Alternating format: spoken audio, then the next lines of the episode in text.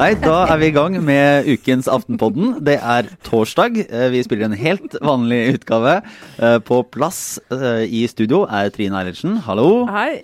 Det er meg, Lars Glomnes. Og Sara Sørheim, i dag har du tatt med deg en halvliter med rød cola. Det pleier å bety én ting, Sara. Ja. Altså, det, nå mistet jeg helt tråden i, i, i hoppkanten her. Fordi jeg har en halvliter med cola, ja. Det er korrekt. Uh, så jeg tok meg en god slurk av nå før vi begynte.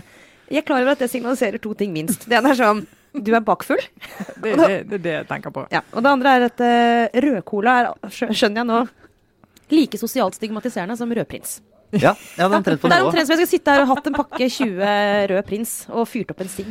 Eh, men jeg, skal, jeg må nei, fortelle. En kasse hvitvin eventuelt, bare Ja. midt i En kartong. Ja. Ja. Ja, altså det er altså så lite vanlig å drikke. Men altså, jeg er ikke bakfull. Uh, men jeg har vært på et frokostmøte med uh, kvinner. Et, vi kommer tilbake til det, faktisk. Der var det servering av mineralvann og frokost. Og det er jo ikke sånn at cola er det som går med først. Så når jeg da var ferdig med det møtet, hadde gjort jobben min og skulle tilbake på kontoret, så var det bare denne colaen som sto igjen. Så den tok jeg med meg og forbarmet meg over, og derfor jeg har den her. Ja. Sånn. Og det, ja, vi, kan jo da, vi kan jo si at vi har foreløpig ikke begynt med produktplassering. Eh, Jeg men, det er var en antiproduktplassering Ja, ja. Altså, ta med deg en cola hvor som helst og bli stigmatisert. Det Men- kan jeg nå ja. fortelle om. Men som, som et alt- offer for det.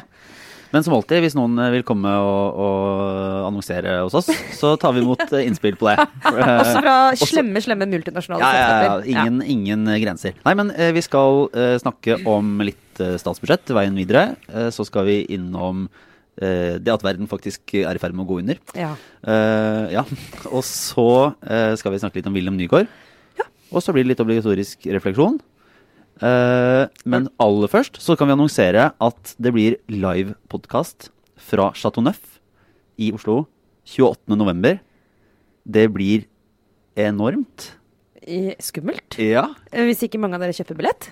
Så det, det skal være billetter ute nå på både også Ticketmaster, men hvis du er Aftenposten-abonnent eller er student, så får du rabatt eh, ved å gå inn på akortet.no, altså som er den der nettportalen for tilbud som eh, Aftenposten-abonnenter får.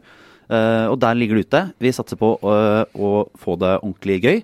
Eh, veldig spennende. Ganske nervøse for om det blir eh, fullt og like moro som det var på Rockefeller i vår, men det tror vi på. Ja, og så for å si det sånn, Hvis noen lurer på om vi kommer til å ha noe å snakke om, så dagen før, altså 27., er det frist i Stortinget for å ha stemt over budsjettet.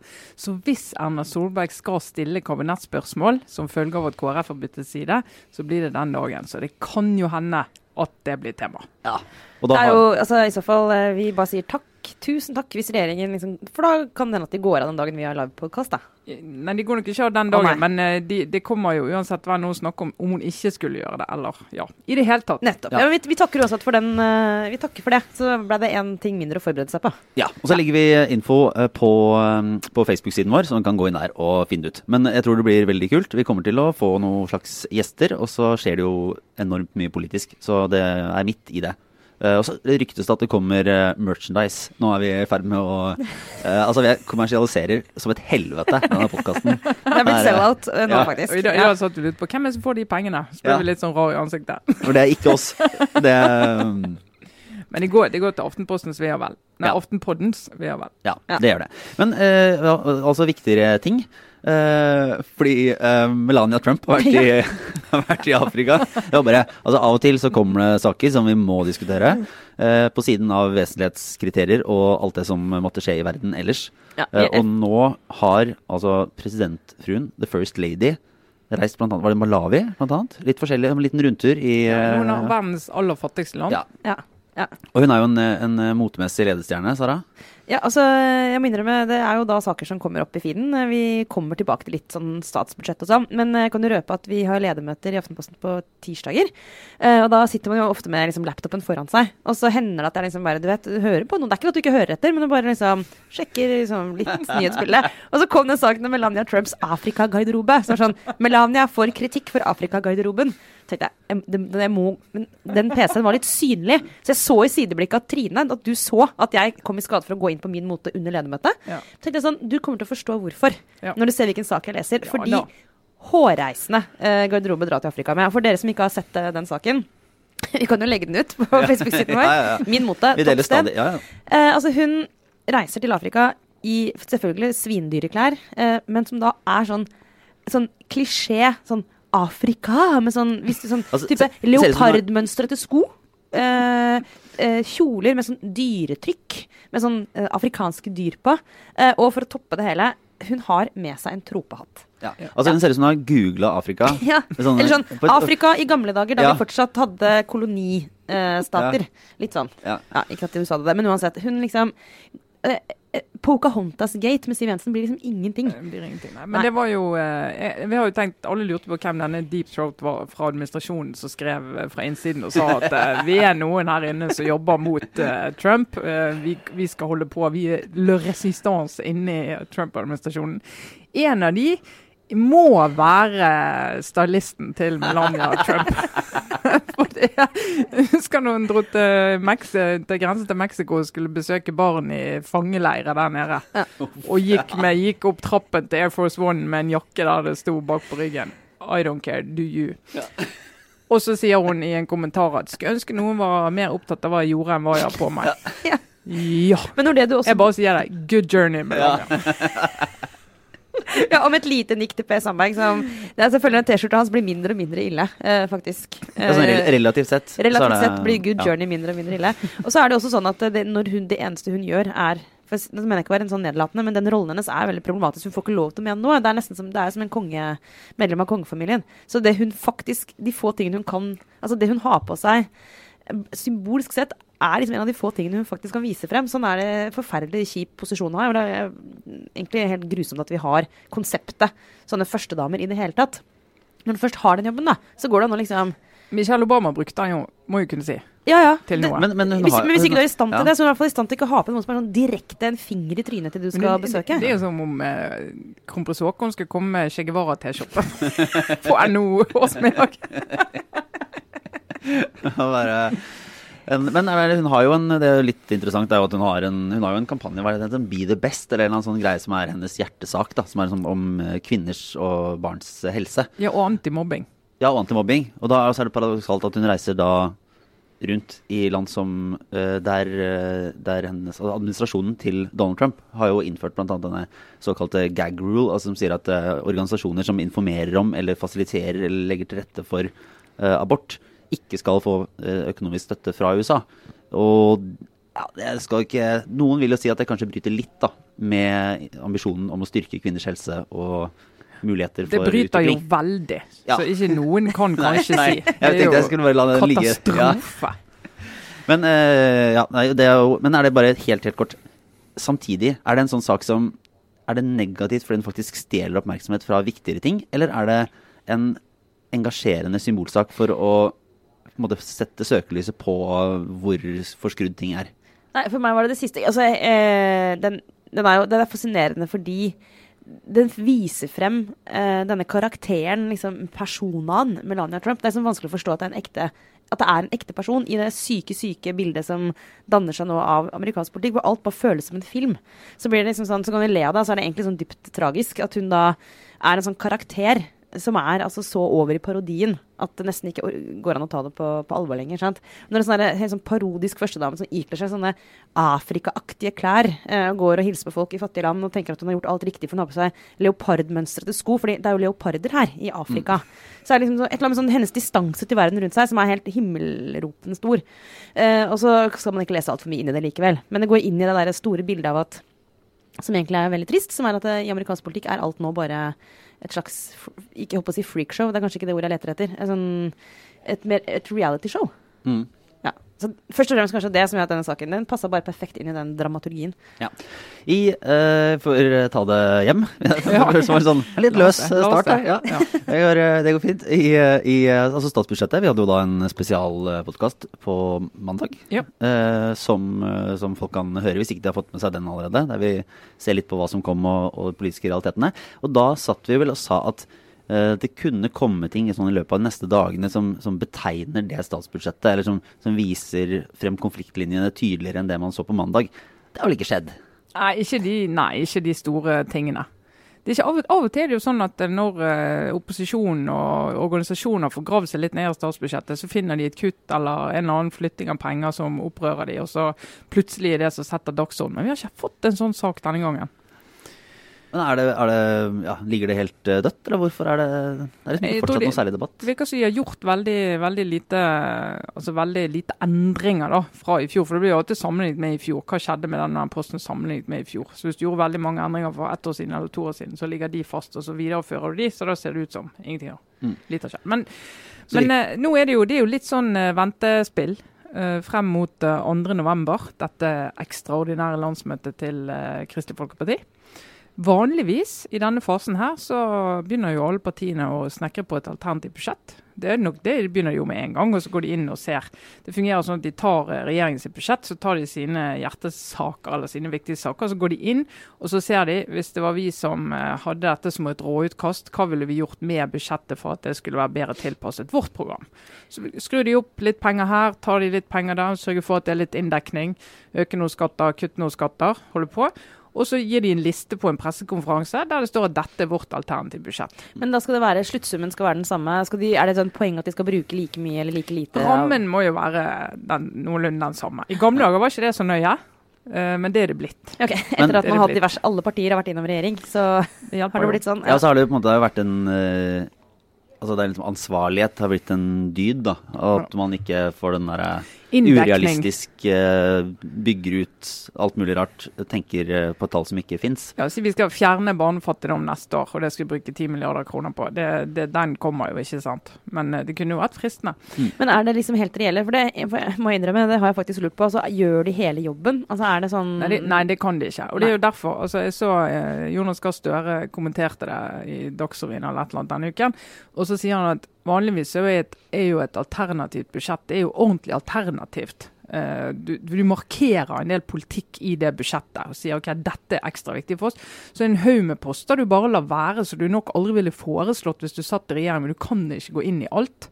Eh, og Det er bl.a. derfor eh, du hører av og til at posisjonspolitikere sier til opposisjonspolitikere ja, men dere var jo med på det kuttet, og dere var jo brukt de pengene som vi har spart på denne reformen til å finansiere andre ting, så da må jo dere være for det.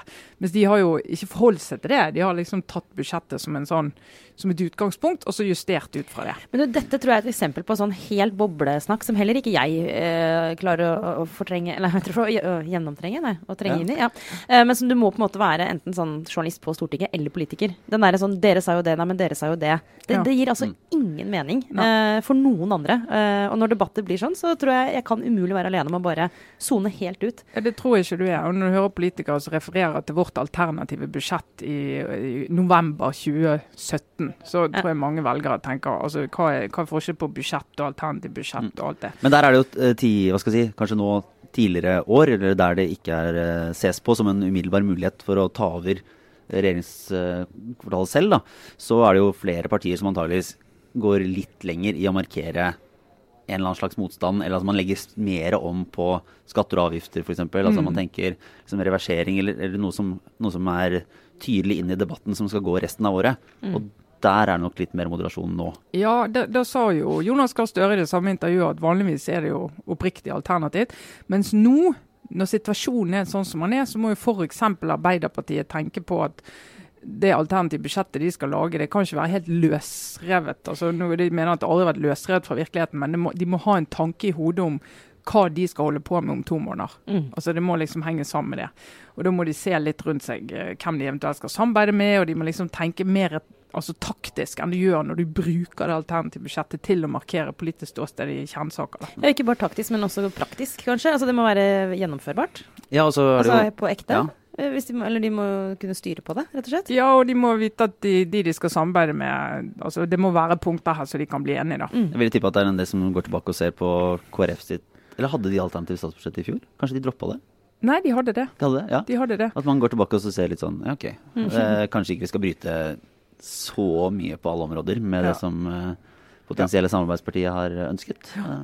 Det blir spennende, men, men, vanligvis holder de på med det. Og så har de pressekonferanser, legger frem alternativt budsjett. En ny runde med å kritisere nåværende budsjett. Og så setter de partiene som skal bli enige om budsjett, de liksom går inn i sånn intens forhandlingsfase. Og så kommer de ut med de flytter på noen kroner som de har noen milliarder, da. Eh, og sier at nå er vi enige, og nå er budsjettet blitt mye bedre enn det var før vi, før vi begynte. Og så stemmer man på det, og så går det rett gjennom i Og så stemmer man på det, for det må jo være et flertall bak dette budsjettet da, hvis det skal ha noe for seg. Og det vet man jo man har. Og så går man i Stortinget, og så blir det mer sånn rituelt, da. Sammen med hele finansdebatten, hvor du argumenterer over de forskjellige eh, forslagene og endringene. Og så har du avstemning. Og det er jo, men i år blir jo det litt mer spennende enn eh, enn i fjor. Ja, fordi Hvis KrF har bestemt seg for å gå til Arbeiderpartiet og Senterpartiet og liksom venstresiden, så kan de takke nei til å forhandle budsjetter, og i hvert fall ende opp med å ikke ville støtte budsjettet som legges fram fra Ja. regjeringen. Ja, og Da blir det jo ingen som forhandler med regjeringen. Da har jo regjeringen sitt budsjettutkast som det de går til Stortinget med. Og så kommer den andre siden da med et fremforhandlet budsjett, som de da presumptivt har flertall for. Og så den dagen den avstemningen er, så blir det skjønner, Da er realiteten der. Flertallet har skiftet til Stortinget. Ja, og det er da dagen før vi skal Det er 27.. ha eh, du, altså, jeg blir litt så stressa nå med, med tanke på tiden. Altså på deres vegne. For at, uh, Tror dere at Hareide og Støre har liksom tjuvstarta? For la oss si at han får med seg eh, partiet, da, altså KrF, 2.11. på å gå til venstre. Så har du jo sykt dårlig tid på da fra 2.11. fram til hva er det, 27.11. Og liksom snekre sammen eh, og så komme til enighet med Arbeiderpartiet. Og lage, og få et, et nytt flertall der, da. Altså, er ikke det helt eh, Det er nesten sånn, Hvordan i all verden skal de rekke det? Det er jo helt enorme Det er jo utrolig mange ting de må gjennom. Altså, Et statsbudsjett altså, Dette skjønner jeg rett og slett ikke hvordan de skal rekke. Ja, men- men eller, har de allerede, eller vet de hvilke saker allerede de må møtes på? Altså, så det, det, det er er interessant, for fordi at altså, et statsbudsjett er jo altså det er På en måte er det rutine. Eh, de, vet, de partiene vet liksom hva poster det gjelder som de skal inn i. Og de, har såpass, de er såpass rutinerte, de finanspolitikerne, at de vet hvor de kan begynne å se når de skal se på inndekning. Ja. Inndekning er utrolig viktig ord for øvrig. Må dekke inn eh, Altså, Det er blant dine favorittord. hvor de henter penger. Hvis du, hvis du skal satse på et eller annet, så må du hente penger fra noe annet. Skal du øke skattene, eller skal du kutte i en annen utgift? Det må du liksom ha klart for deg i hodet ditt før du øker et annet sted. Men, eh, men så, da. Så uh, si at det blir flertall for det andre budsjettet. Mm. Så skal jo de ta konsekvensen av det.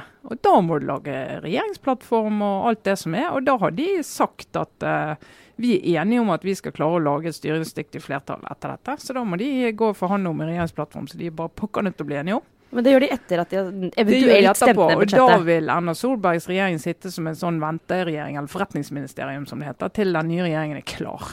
Slik som i Sverige, egentlig.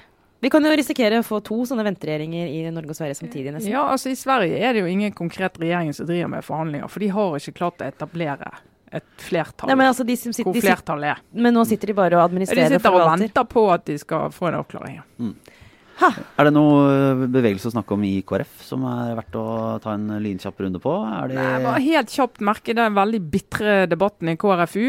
eh, var interessant. Det var- Politisk kvarter torsdag morgen eh, verdt å høre? Det, det, var, det var temperatur. Det var som å være på et, eh, på et, på et møte. Det var, Ja, det må jeg nesten anbefale folk Ja. å høre på det. Altså, for der var det Men, men det er en illustrasjon eh, for eh, kort KrFU-landsmøte. Uken før Hareide holdt sin tale, så hadde de landsmøte, og så bestemt diskuterte de og stemte over hvorvidt de skulle anbefale KrF å gå i regjeringsforhandlinger med dagens regjering. Og det ble et jeg tror flertall på 14 eller noe sånt. Ja, det stemmer. Eh, s- men altså splitt der også, sant? Mm. Mange som ikke ville det. Så holder han sin tale, og da er det en del av de som da har vært med på at KrFU hatt en avstemning, enige om at vi skal anbefale det, sier at okay, vi har ikke tradisjon for å binde delegatene våre. Alle KrFU-delegatene må få lov å stemme fritt på det voksenlandsmøtet. Eh, og da kommer vi til å stemme for det vi primært mente, altså at vi skal gå til venstre. Mm. Og da er, da er jeg holdt på å si helvete løs, men det Ja, Hva heter det i KrF, egentlig? Når noe er løst der? Ja. ikke si det, så jeg trekker det. Ja. Men uh, da blir det jo veldig høy temperatur fra den ene siden eh, som mener at uh, dette er jo å nulle landsmøtet og effekten av det. Som det jo er. Ja, mens den andre siden sier nei, den politiske situasjonen er helt forandret i og med den talen. Så da må vi også kunne få lov å se annerledes på det. Og den diskusjonen mellom de to eh, KrF-damene i, Politisk kvarter i dag, den illustrerer temperaturen.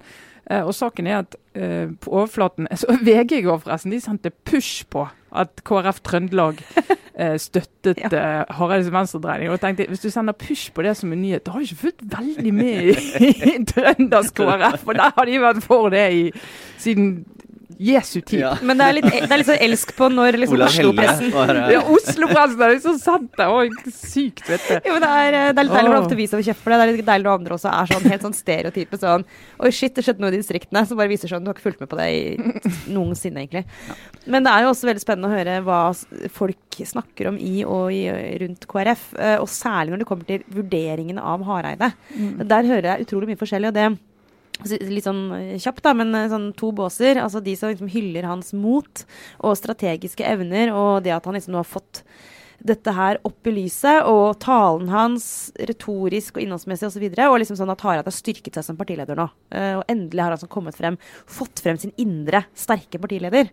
er jo en beskrivelse. Og den andre er jo sånn å, herregud, er det mulig Det sier de faktisk ikke, da. Men er det mulig eh, å tryne verre? Fordi eh, mange opplever Hareide som fortsatt famlende, og at eh, han har kommet nesten i sånn i i skade for å sette KrF i denne situasjonen. At liksom, det var ikke sånn ment.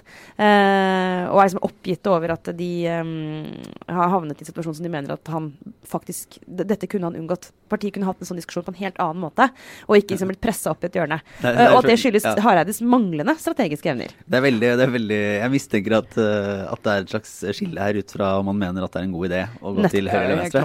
Og det var jo poeng nummer to. Det er nettopp at det, dette er jo som så mange andre saker liksom, totalt politisert. Eh, folk Ja, ja. som eh, hevder å være liksom, eh, relativt objektive, men som selvfølgelig har selvfølgelig eh, total slagside. Altså Hvis du vil inn i regjering, så syns du Hareide er genial.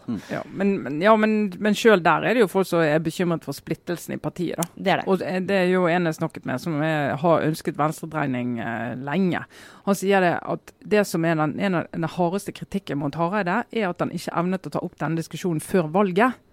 Fordi at Dette har jo vært et tema lenge i partiet. og At, at det var så hjelpeløst egentlig på det landsmøtet før valget. Og at Ha- Hareide ikke evnet å vise lederskap der, Mm. det mener han er et stort problem. For han sier det at det, det har brakt oss i en situasjon der vi må velte en regjering midt mellom to valg, altså kaste landet ut i en regjeringskrise. Mm. Midt mellom to valg, uten at velgerne ser den konkrete saken. Altså det blir litt sånn Ja, og som du var inne på De har skiftet, sant.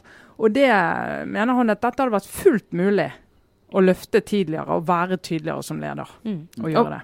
og som du var inne på i din kommentar denne uka, Trine, at liksom også da kaster landet ut i en regjeringskrise på et tidspunkt hvor ting hvor det er en vel- ganske lite krise, rett og slett. Eh, Ja, går ganske relativt greit. frykten i å si, Ropstad og Grøvan-leiren da, eh, det er jo at eh, velgerne ikke skjønner hvorfor eh, Erna Solberg kastes på Du det grunnlaget. si- Du skal si det går kanskje greit, men verden går det ikke greit med. Det er et poeng. Eh, fordi det var eh, samtidig som Altså mer, ja, det var samme morgen. Samme dag. Samme dag som eh, statsbudsjettet ble lagt fram i Norge, så la FN eh, fram sin eh, nye store klimarapport. Ja, verdensbudsjettet. Verdens klimabudsjett. Det går ikke opp. Der er det ikke inndekning. Uh, og man legger da til grunn Det er vel en sånn det en diger hva er det da, IPCC som har uh, lagd en svær rapport som er liksom 400 sider basert på 6000 uh, forskningsartikler. og sånn. det er en, den grundige Klimapanelet. klimapanelet som har satt sammen eh, en oversikt som viser at man må kutte CO2-utslipp eh, med 40-50% innen 2030 eh, for å nå liksom, målet om at, pris, si, at eh, temperaturstigningen bare skal være på halvannen grad. Og det, eh, bare den, de endringene som kreves der, eh, forutsetter altså store problemer. Det innebærer mange ting som, som kan gå galt og kan være vanskelig. Men hvis man går over halvannen grad, så kommer det, altså, det kommer til å gå skikkelig, skikkelig galt. Og så eh, Ja, hva gjør man med det, da? Den, den dør jo. Det, kommer, sånn- er, sånn- det, er det, som er, det der som gjør den hele klimasaken utrolig vanskelig også helt sånn som velger, eller som bare borger. Litt vanskelig å forholde seg til, men jeg tror også faktisk som politiker litt vanskelig å forholde seg til. Fordi det er jo i all sin gru og all sitt velde fortsatt et abst relativt abstrakt problem. Nå må jeg si relativt, for vi har jo konkrete altså det Ekstremvær eh, er overalt, og mennesker dør og verdier går tapt og sånn. Men fortsatt, da, så er det ikke sånn at livene våre er, er særlig endret. Det er utrolig vanskelig. Det er liksom helt sånn, da ender man opp med bare å bli passiv. Ja, men, men det er jo ikke sånn at ikke noe gjøres med dette. da. Det gjøres jo utrolig mye i veldig veldig mange land. Det er bare det at det skjer ikke raskt nok. Og så er litt av utfordringen nå, denne kom på mandag. Den kommer i en periode der du har en uh, eskalerende handelskrig mellom Kina og USA. Du har et Italia og Europa som ikke virker, og som er i stadig sterkere konflikt med EU. Og du har, uh, altså du har uh, en konflikt Et Europa, et USA, altså en verden som prøver å komme seg etter finanskrisen. Og hvor vekst er det viktigste du på en måte kan tilby velgerne dine. Det er økonomisk vekst. Ja. Og det er det du prøver å få til. Alle politikere prøver å få det til. Men den veksten vi er vant til, den går og krasjer med det som trengs å gjøres av omstilling for å møte klimautfordringene. Mm. Så du må ha vekst for å ikke få velgeropprør. Du må ha arbeidsplasser, folk må ha inntekt. Tenk på mange innbyggere i vestlige land. De har nesten ikke hatt lønnsvekst på ti år. Sant? I USA, Store deler av eh, arbeiderklassen i USA, middelklassen i USA, har ikke hatt lønnsutvikling på mange år. Og det er klart at For en del av disse så er det ok, vi har en klimakrise, vi er nødt til å omstille. Og ha såkalt grønn vekst. Mhm. Og så har du en del av svaret på det, men du har ikke hele, og det går ikke raskt nok. Så den gamle som du hadde på 30-tallet, når du kunne si at ok, vi har vært gjennom en økonomisk krise, hva skal vi gjøre? Vi må få i gang hjulet. vi må fyre opp kullkraftverkene fort som F. ja, men Ja. altså, Se Tyskland, da, som eh, sitter med Og Norge. Eh, Tyskland kull, Norge stor oljeeksportør.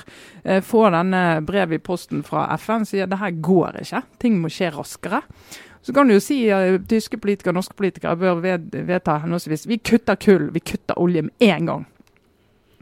Og så kan du jo prøve å se hva det betyr Mm. innenlands. Politisk, økonomisk. for velferd. Du kan jo se TV-serien. Okkupert, f.eks. Ja, altså det, det, er, det er en konkret og krevende problemstilling for politikerne, som jo prøver, men som har en del dilemmaer som er, fremstår for en del jeg tror er helt uoverstigelige. Men er det ikke det er, det, Eller er det helt utenkelig at det kommer et faktisk velgeropprør som ser denne faren i større grad enn politikerne? Altså det er jo På et eller annet tidspunkt så skulle man tro at flere politikere satte seg ned og tenkte dette er reelt, det skjer. Eh, Det er på en måte egentlig like håndfast som en pensjonskrise om eh, 60 år, da. Altså det er sånn, ja ok, vi må planlegge for fremtiden. Nå legger vi pengene våre til at eh, barnebarna skal ha en ok pensjon. Men eh, tror du det kan være større gjennomslag for å si sånn ja, men den, de, liksom, ja, pensjonsfondet, oljefondet, vi bruker det for å sikre at uh, verden ikke er kaos. Altså, når er, hva man, Jeg sa at vi, vi tar, vi tar de, de midlene vi har, og så bare går vi all in på å finne teknologiske løsninger som vi bare betaler for. Ja, ja, uh, altså, er det sånn du tenker? Ja, altså liksom bare, sånn, er det- når det er våre sparepenger, vi- men vi har ikke noe verden å arve likevel, så nå bare bruker vi det på Nei, nei, da må du jo tenke at mine barn og dine barn, Uh, vi er nødt til å tenke på de, så vi må bruke det så, altså de oljepengene vi har nå, må vi bruke til å investere i teknologi som gagner de på sikt. Mm. Ikke bare fordi de får eh, pensjonen de skal ha, men også fordi at de får en grønnere verden. Det, det er en måte å tenke på. Mange tenker på det. Og så eh, bare hørte noen eh, finansfolk som snakket om det, jeg tror det var i Arendal. Og snakket om det. Det, det, det. Vi skal investere, og vi gjør det i grønn teknologi. En av utfordringene er at eh, vi kan investere en haug med penger i et selskap eller en teknologi i år. Satse på det, så går vi inn der. Og det som skjer om ett år eller to år, det er at noen har funnet en mye bedre teknologi et annet sted. For her går virkelig teknologien i rasende fart, som er veldig positivt. Mm. Men det betyr også at en del teknologi blir utdatert i rasende fart. Og eh, kineserne er eksperter på å kopiere teknologi. og begynner med sånn som de gjør med solceller. At de eh, utvikler egne solceller med utgangspunkt i både egen og vestlig teknologi. Og den vestlige de bare Å ja, der forsvant eh, hele produksjonen dit. Eh, sånn at verdien av de investeringene er usikre. Og du kan si at ja, men herregud, hvor vanskelig er det å investere i noe grønt? Alle vet jo at det lønner seg, og vi trenger det, og verden må ha det, og markedet er der. Ja, Det er den enkle måten å se det på. Det er mer komplekst enn det. Ja, og når investorene dine sier at eh, Eller hvis de risikerer å tape pengene sine altså Man er jo bundet i bundet eh, på, av kortsiktige hensyn. Sånn er det jo også i politikken. Eh, mens, og det hindrer en fra å ta de rette grepene for å gjøre noe langsiktig. Om det så er enten for å redde verden eller for å tjene penger om ti år. Hvis du må tape veldig mye penger i dag for å mm, gjøre det om ti år, så er det også vanskelig liksom, å få eiere og investorer med på det. Men det interessante er det med vekst også. Vekst, eh, ja, den største trusselen mot klimaet, kanskje, men også sannsynligvis liksom, en veldig stor del av løsningen. Når vi en gang har det systemet og det samfunnet vi har, hvor kapitalismen er så viktig, at du liksom klarer å koble at du faktisk kan tjene penger på å gjøre gode ting. Det det er jo sånn eh, Ja, Men det, det må det jo være. og det er jo en forutsetning for at dette skal gå. jeg, jeg, hørte, sit- jeg ble sitert, nå, får- nå får han unnskylde meg hvis det er feil, for jeg var der ikke selv, men Erik Solheim ble sitert av en som har sittet i salen. Han holdt et foredrag om, om bærekraft og sa I am a socialist. Eller vedkommende som siterte han, sa det på sånn solheimsk engelsk. Så sånn I am a socialist, but I also believe in growth. Det er jo hele poenget hans, da. Og han har jo vært en på venstresiden som har liksom kjørt det argumentet. Eh, det er jo bare, bare det er jo ikke helt, uh, helt comme il faut. Men det er sannsynligvis liksom Ja. Når jeg, tenker, når jeg prøver å være litt sånn konstruktiv, prøver å tenke at ja, men barna mine, de, det går sikkert bra med dem og deres barn òg, ja. så tenker jeg liksom at det, hvis, hvis man kan si at det lønner seg man tjener penger på å utvikle løsninger som redder miljøet. Da har jeg tro på at det går. Ja, men, men det, det, må du, og du må ha vekst. Og du må ha de landene som ikke har vekst, de, eh, blir, de føder altfor mange barn. Bare ja. en sånn ting. Og verden, det er for mye folk. Vi er nødt til å stanse befolkningsveksten. Og en viktig måte å gjøre det på er at du har økonomisk vekst. For En av grunnene til at du får så mange barn, er at mm. barna dine dør. Men det er paradoksalt, for den veksten også gjør at du forurenser mer.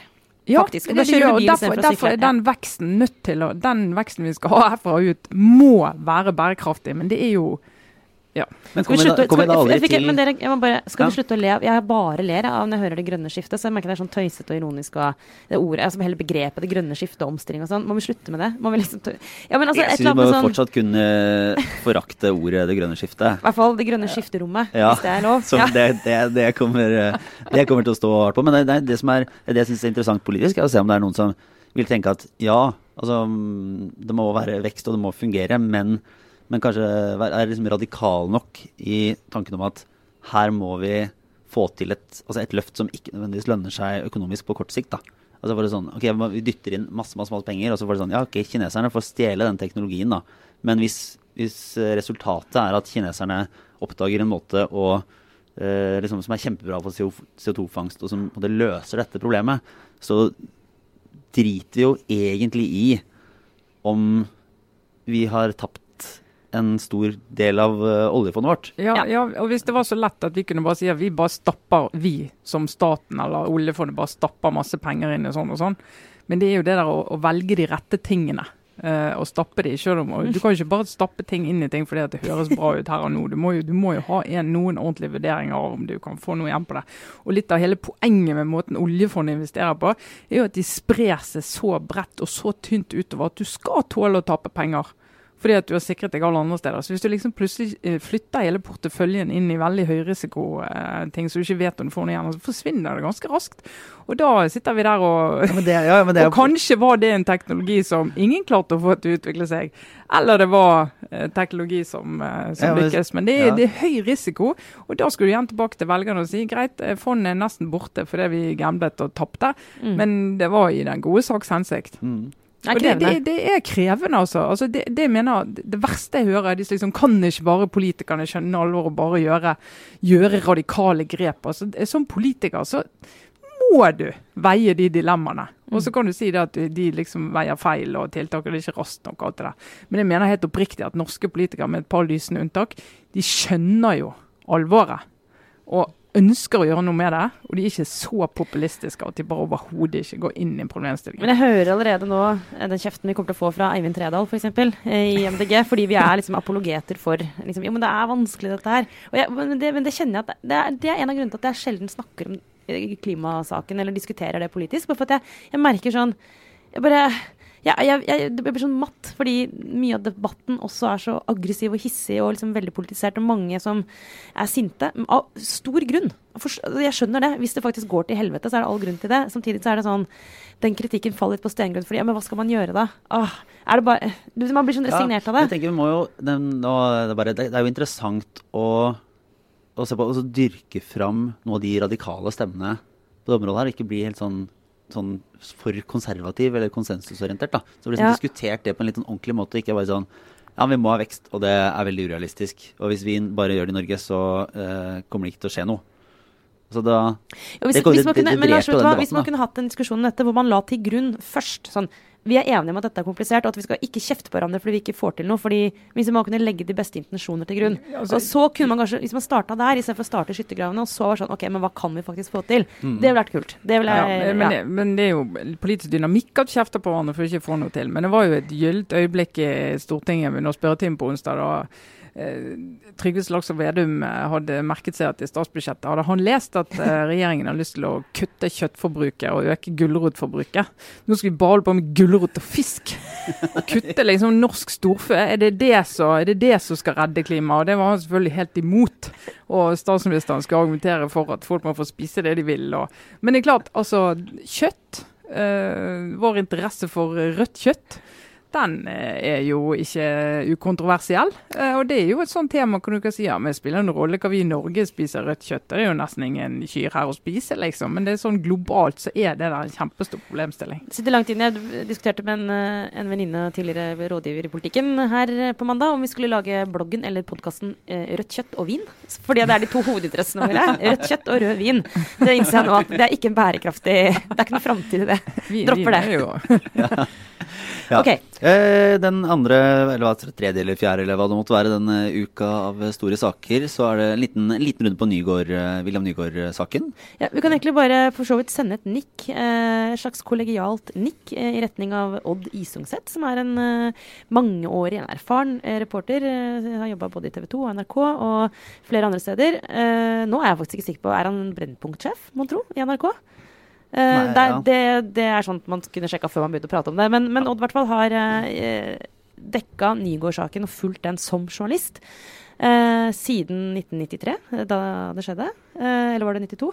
Her tar jeg virkelig 93, norgesrekord i presisjon. 93.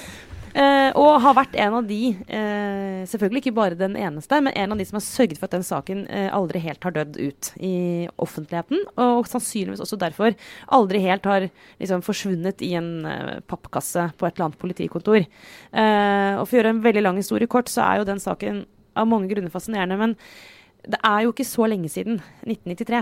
Men når du ser på hvordan den saken ble diskutert i offentligheten den gangen, jeg husker det så vidt sjøl fra min da barndom, um, så virker det som et Norge som altså, Det er et Norge som ikke fins lenger. Uh, det er fristende selvfølgelig nå å sitte og si at det var liksom en grenseløs naivitet rundt den saken. Jeg satt veldig langt inne og liksom helt å tenke at det kunne være liksom religiøst begrunna terror. Uh, at det kunne ha noe med Salman Rushdie å gjøre og sånt noe. Uh, de 25 årene fram til i dag hvor det faktisk for nå foreligger en siktelse, da. Det der å liksom se samfunnsutviklingen i lys av den saken, det er en aha-opplevelse. Eh, og så var det da noen som liksom hele tiden var sånn Nei, men det er her må vi liksom, Dette såret må vi pirke i. Eh, og det er bl.a. som sett. Og derfor er denne saken nå eh, ikke foreldet, fordi det ble tatt ut en siktelse denne uka. Ja. Ok. Det var ikke så kort. Ja, nei, det var ikke det. Men eh, altså, jeg, jeg har jo grublet litt på om den boken ville blitt gitt ut i dag. Ja. Altså ikke Odd Is- Isungset sin, eh, Nei, men, men uh, Salman Rushdie sin Ja. bok 'Sataniske vers', og det ser alle forleggerne som vi snakker med i dag, de sier ja, selvsagt vil han det.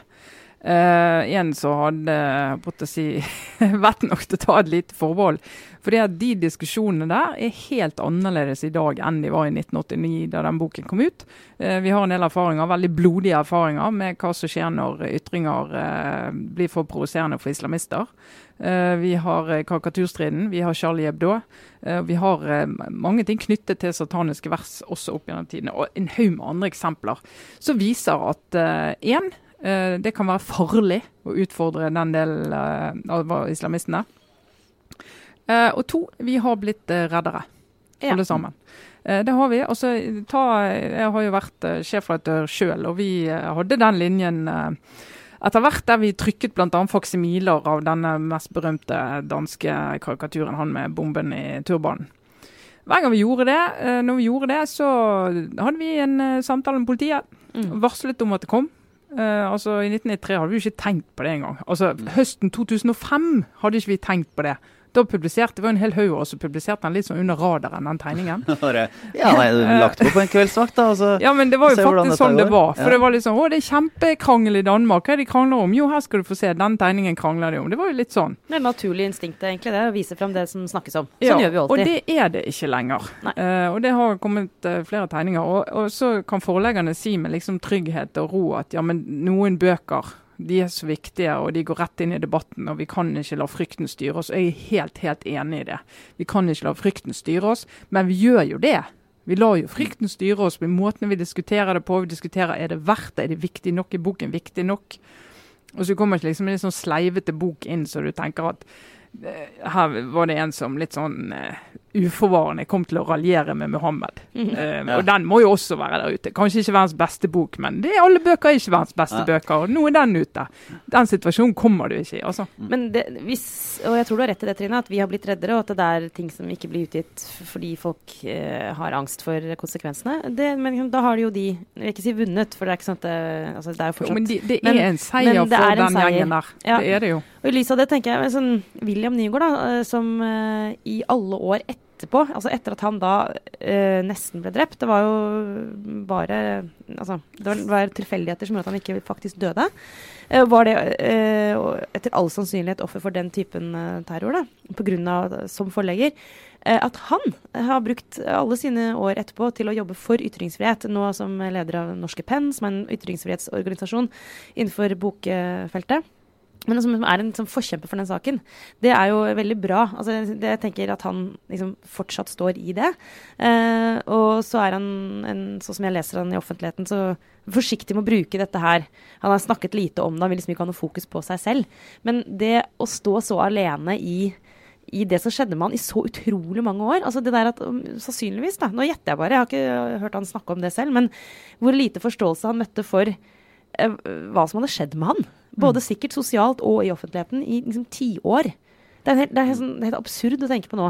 Men, men, sånn var det bare, rett og slett. Kaja Korsvold, kulturjournalist i Aftenposten, snakka om det i Forklart, vår søsterpod, eh, i går. Anbefaler den også. Hvordan man som journalist også den gangen Det var liksom kulturjournalistene som skrev om Nygård-saken. Mm. Ikke sant? Altså, Nesten som en sånn kjendissak, mer enn en ja. Ja, ja og politiet etterforsket jo familien hans og hvem andre som kunne mislike han og ha motiv, og gikk bredt ut. Og ja, er det noe, er det et hevnmotiv her? Er det, noe, det, er altså, det, det, er bare en helt sånn Og det, det, er jo ikke Man kan ikke kritisere en enkeltperson i dette, for det var liksom et hele systemet bare var et helt annet sted. Jeg så ikke hva som egentlig hadde skjedd her. Uh, og vi vet jo fortsatt ikke om den saken ble oppklart, da. Men nå er den i hvert fall liksom nærmer seg sin sannsynlige altså, Den mest sannsynlige forklaringen er vel den som nå liksom foreligger. Og det er jo bra. Ja. Mm. Litt obligatorisk refleksjon på tampen her. Uh, Emil, er det noe som sitter på ditt ja, tryne? Jeg tror jeg har det mest alvorlige. Ja. Så, eller, jeg vil ikke, for jeg vil ikke bruke ordet kjedeligste. Nei. Det nekter jeg å gjøre, for det er jo ja. ikke kjedelig. Nei, altså jeg har nå eh, fulgt eh, og hørte til senest i morges en podkast fra Sverige om regjerings...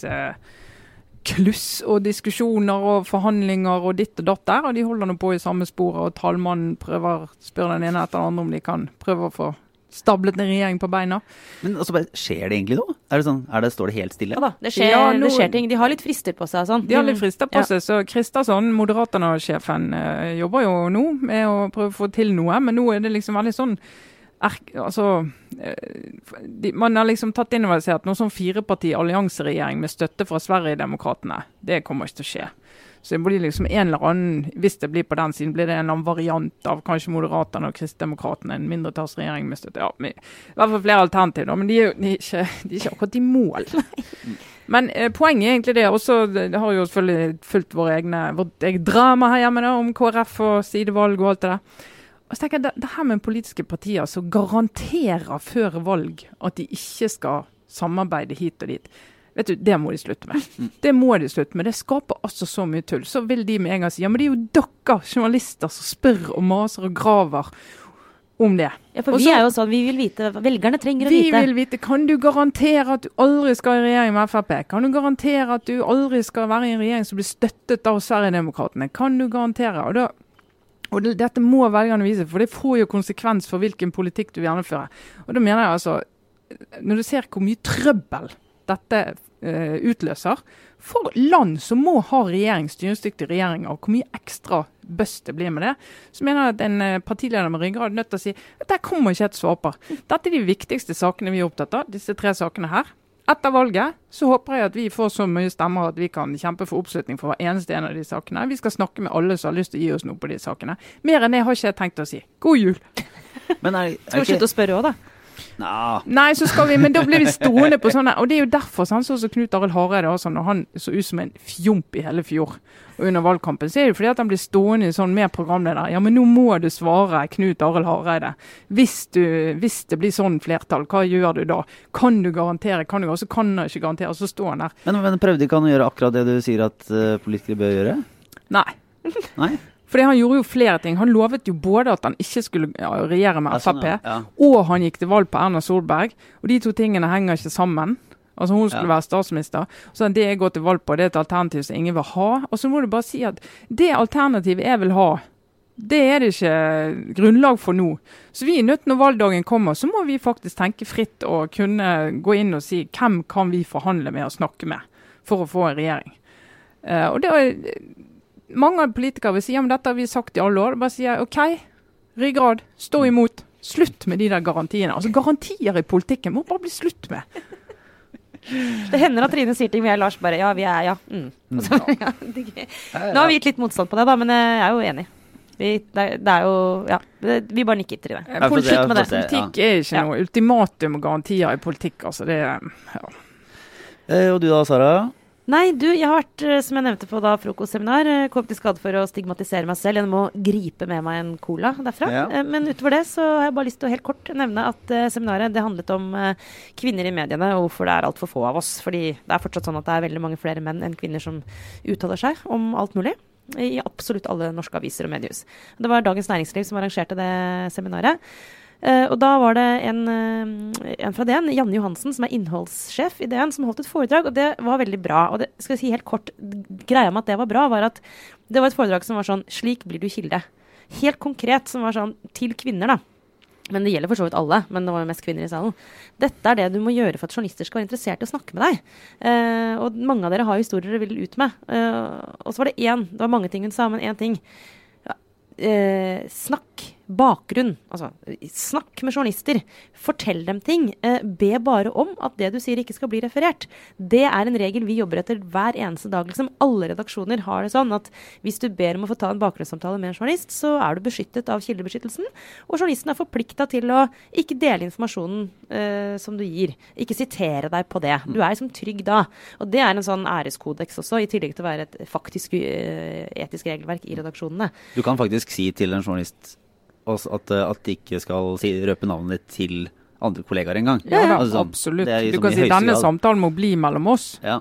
Og så sant? Og det slår meg noen ganger når vi snakker om uh, sånn uh, bla, bla, bla, kvinner i mediene, bla, bla, bla, har alle disse, disse debattene, at uh, kanskje vi noen ganger glemmer å bare Vi tar for gitt at veldig mange der ute som ikke er en del av vår medieboble, liksom vet sånne ting om hvordan vi jobber. at det er trygt å snakke med en journalist hvis du ikke er helt sikker på om du har lyst til å dele informasjon. Vi er ikke alltid, vi er ikke ute og intervjuer alle vi snakker med. Nei, de fleste samtalene vi har er ikke intervjuer. De mm. fleste mm. samtalene er liksom å, å, skaffe seg informasjon. Så det, det ble litt inspirert av at jeg skulle dele det videre her, at det Hvis man er u og det går også an å bare ringe journalist og si jeg, kan, jeg snakke med deg litt om hva som ville skjedd dersom jeg fortalte deg sånn og sånn. Mm.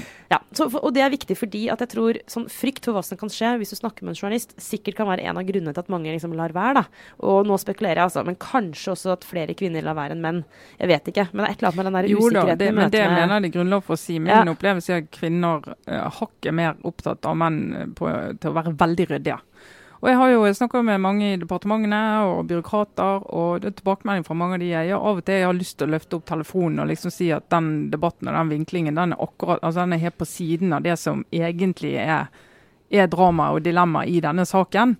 Og sier ja, men det må du jo gjøre. Nei, det, det, har de veldig høy terskel på, for det er liksom uryddig, og vi har jo linjer og vi har litt ja, sånn. Skal ikke snakke med pressen. Ok, men altså, hvis du, En del av ditt, ditt samfunnsoppdrag er jo at verden skal forstå hvordan Norge fungerer. Altså Nordmenn, lesere, velgere skal forstå hvordan Norge fungerer. Og det, det å få genuin kvalitetsinformasjon fra folk som sitter midt i det, mm. det er utrolig viktig. De fleste av de blir aldri intervjuet eller sitert. Det, det høres helt riktig ut.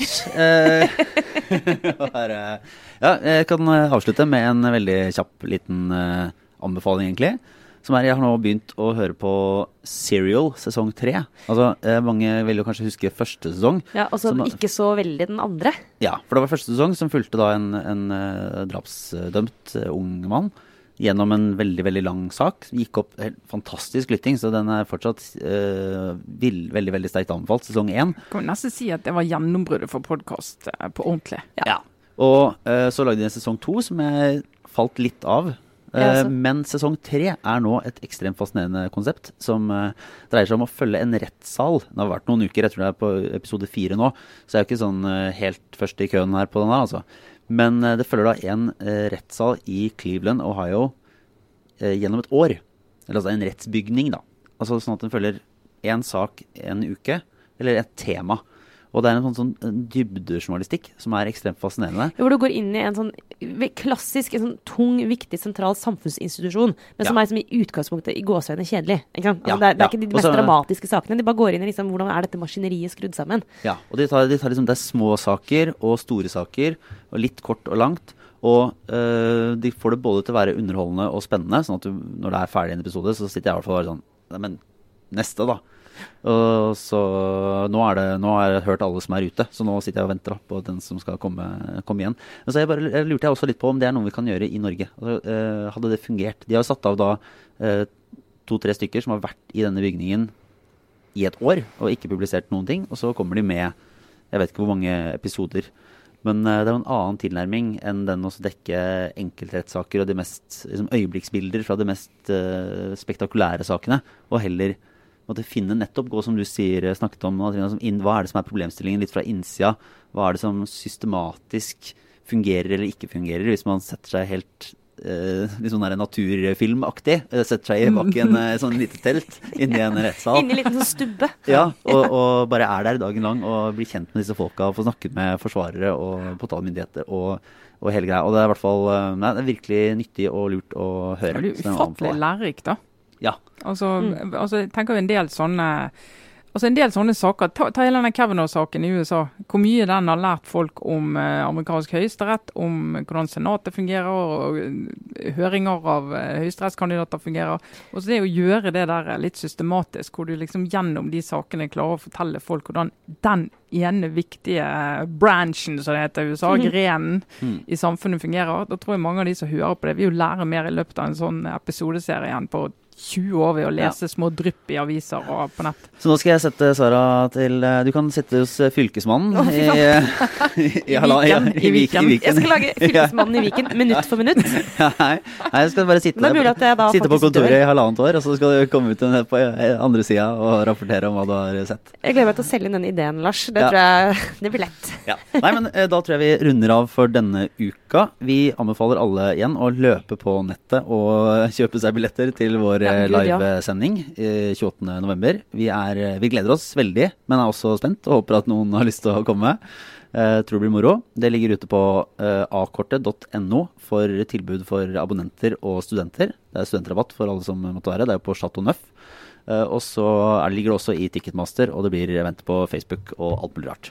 Kommer tilbake sterkere. Nå er vi ferdig for denne uken. Det var Trine Eilertsen, Sara Sørheim, jeg er Lars Glomnes. Ha det bra. Ha det.